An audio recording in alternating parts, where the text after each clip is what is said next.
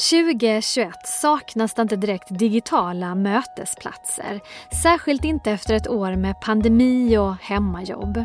Men marknaden är tydligen inte mättad.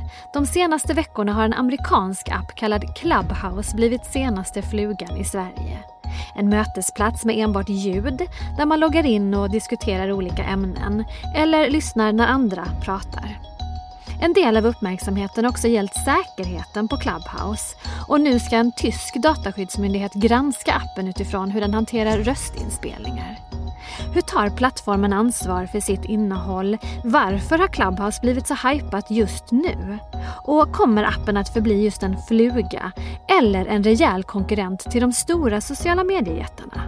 Det ska vi prata om i dagens Aftonbladet Daily.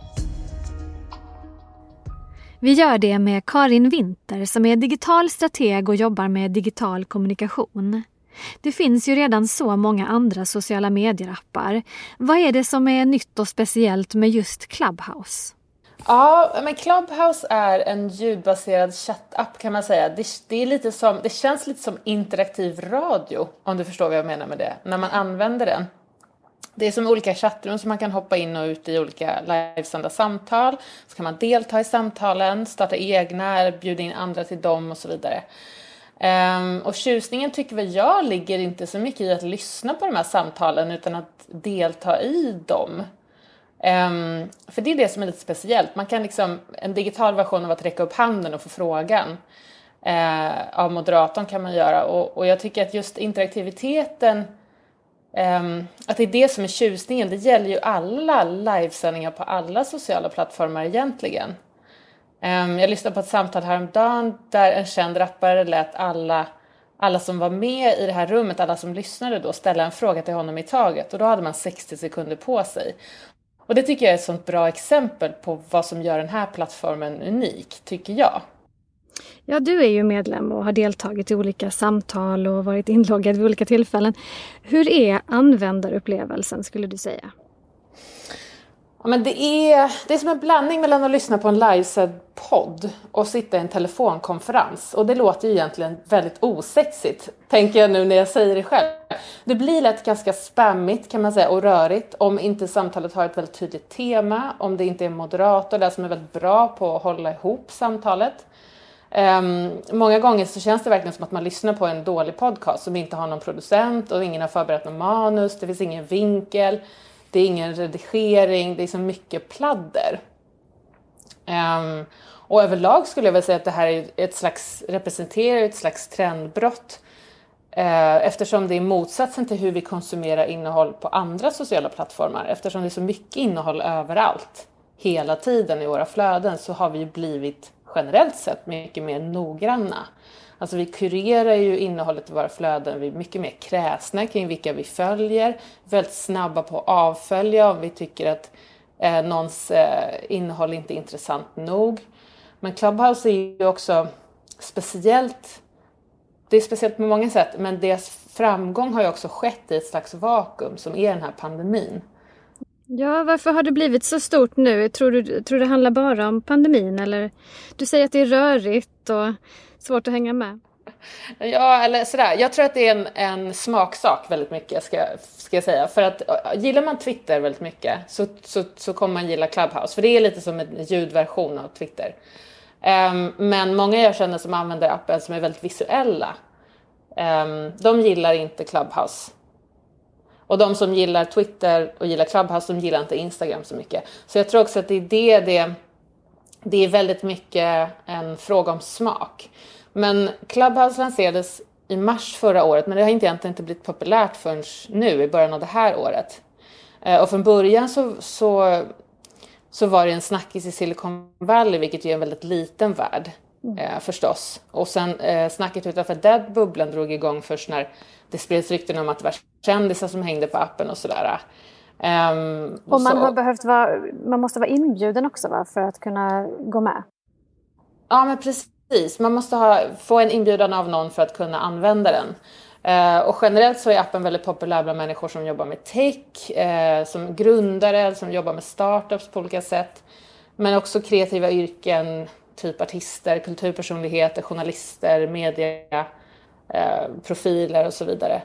Um, så att det, det har ju absolut, det finns ju en exklusivitet som är oerhört medveten, som är väldigt central i lanseringsstrategin. Så just det här att, att, att när det började snackas om att Oprah och Chris Rock och Ashton Kutcher liksom använde Clubhouse så var den ju samtidigt så stängd för den breda allmänheten, vilket den ju fortfarande är.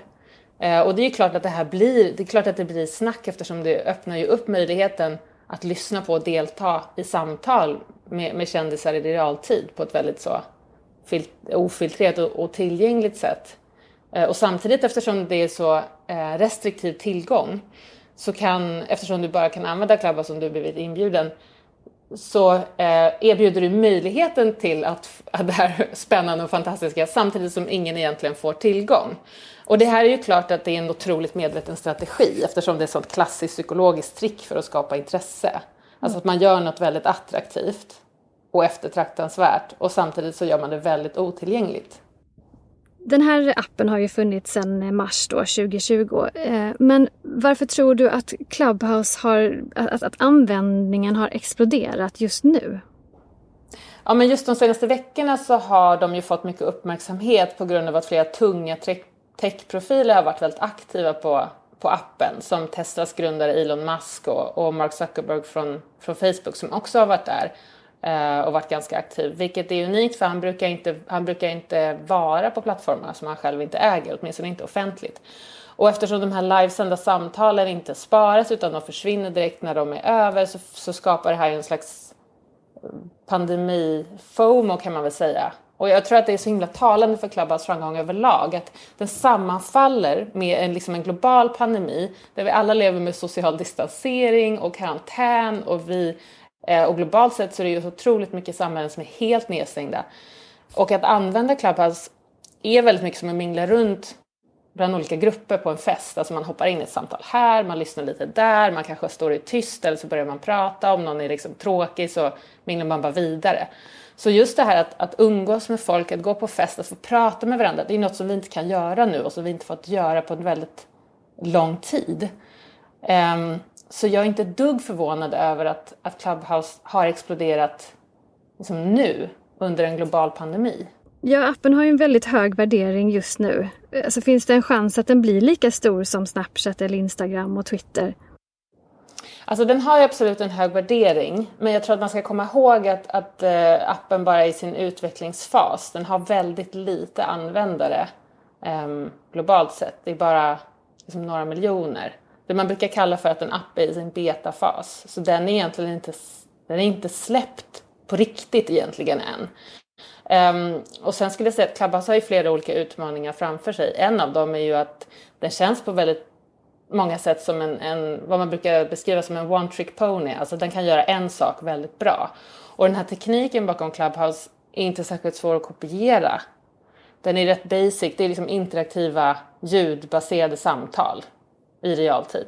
Och Twitter håller på att utveckla en, en liknande funktion just nu. Och om man då kan göra samma sak på Twitter som man gör på Clubhouse, varför ska man då vara där? Vad har man då för USP?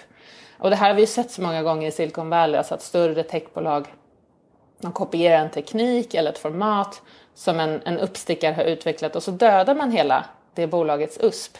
Det blev ju jättetydligt till exempel när Instagram lyckades verkligen trycka tillbaka Snapchat genom att kopiera deras format, eh, stories som i Sverige heter händelser, och eh, AR-filter som de också gjorde väldigt stort. Eller så köper man bara helt enkelt upp dem för en groteskt stor summa som, eh, som Facebook gärna gör, som de gjorde med WhatsApp till exempel och sådär. Så, så om man tänker då om, om Clubhouse inte längre har en attraktiv teknik, vad har man då vad, vad har man kvar? För då måste man ju ha någon, någon annan USP och då är ju exklusiviteten är ju förstås en stor del av snackisen. Men, men vad ska man med exklusivitet till om man siktar på att bli en tung global spelare? För då behöver man ju så många användare man kan få. Eh, och det finns ju en motsägelse i det. Och sen tror jag också att här, samtidigt sitter de lite med ett sånt stort problem här. För om de gör sig av med exklusiviteten så minskar kanske också attraktionskraften. Det är ju en turbulent tid för den här branschen. Alla sociala medier tampas med hur de ska hantera ansvarsfrågan kring innehållet. Tror du att Clubhouse kommer ställas inför samma problem? Absolut. Alltså nu är de som sagt i en utvecklingsfas så de har ju mycket barnsjukdomar de behöver hantera. Men Clubhouse har redan fått kritik för att man misslyckas med det här. Alltså man misslyckas med att moderera innehållet. Man har inte lyckats hantera trakasserier och kränkningar kopplat till rasism, antisemitism eller förtalsfrågor och så vidare.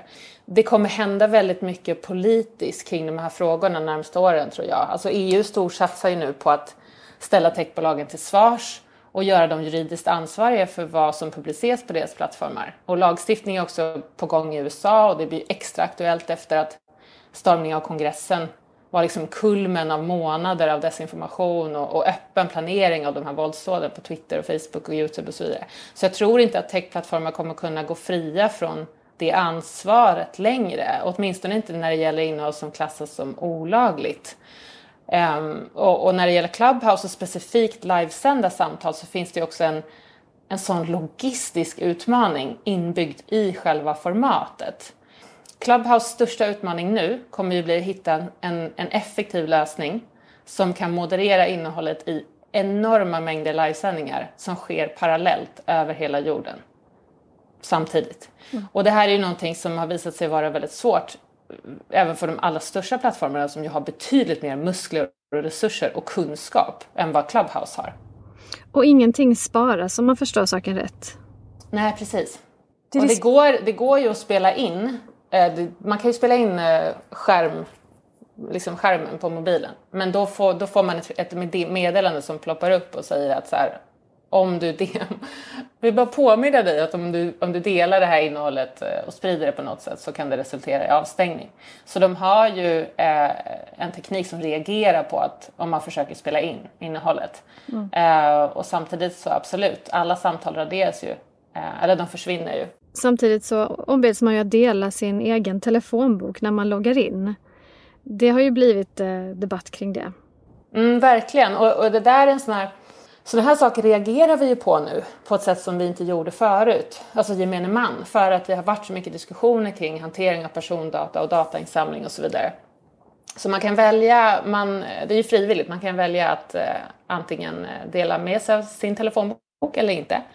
Eh, och anledningen till att göra det eh, är ju att då får man ju väldigt mycket tips om personer man följer, eller som man vet vilka de är, om man vill börja följa dem. Eh, och det kan ju vara extra viktigt i ett sånt tidigt skede för en app. För att man vill ha ett intressant flöde, liksom. man vill ha ett intressant innehåll. Eh, och samtidigt så har ju Clubhouse problem som har blivit lite omskrivet nu, det är ju det att det kommer ju upp väldigt mycket förslag på människor som är som helt opassande i den kontexten. Ehm, folk har fått upp förslag på sina eh, terapeuter och olika läkare eller liksom Um, Sådana saker. Så det är ju verkligen, och, och, jag fick förslag på mycket människor som jag har i min telefonbok som jag liksom, som tillhör mitt förflutna och som jag absolut inte vill bli påmind om så här, tio år senare. Så det är en otroligt konstig känsla också. Um, för den, eh, det, liksom, algoritmen har ingen aning om vem liksom, jag gick på en dålig dejt med för, för typ tio år sedan. Där har de kanske lite att jobba med. Verkligen. Men, men många stora mediehus har ju börjat använda sig av Clubhouse och det är väldigt många influencers och kändisar nu också svenska som befinner sig där. Vad tror du mm. om, om framtiden för Clubhouse? Jag tror den största utmaningen eh, för dem framöver är en av anledningarna till att de lyckades slå igenom så stort och det är pandemin.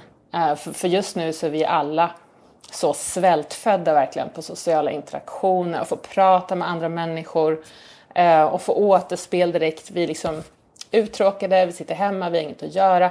Och allt det här skapar ju ett sug som är så perfekt för en tjänst som Clubhouse. Men när pandemin är över, vad händer då? Alltså kommer vi vara lika sugna då? Eh, så de måste hitta ett sätt att vara relevanta trots att världen kommer att återgå till det, ja, men någon form av normalitet i alla fall. Eh, och för att en en sociala medieplattform av det här slaget ska bli riktigt stor så måste du kunna möta ett behov som inte bara är globalt, det ska skapa engagemang hos liksom enorma mängder människor och framförallt på lång sikt. Och inte bara i en tid när, när hela världen är satt på paus och vi som har ett enormt behov av att snacka av oss. Det är inte långsiktigt, så jag tror att det finns, en, det finns ju absolut en risk att liksom, i framtiden kommer vi kanske komma ihåg Clubhouse som en, en pandemiapp med en extremt lyckad eh, lanseringsstrategi. Sist här hörde vi Karin Winter, digital strateg. Jag heter Olivia Svensson och du har lyssnat på Aftonbladet Daily. Vi hörs igen snart. Hej då!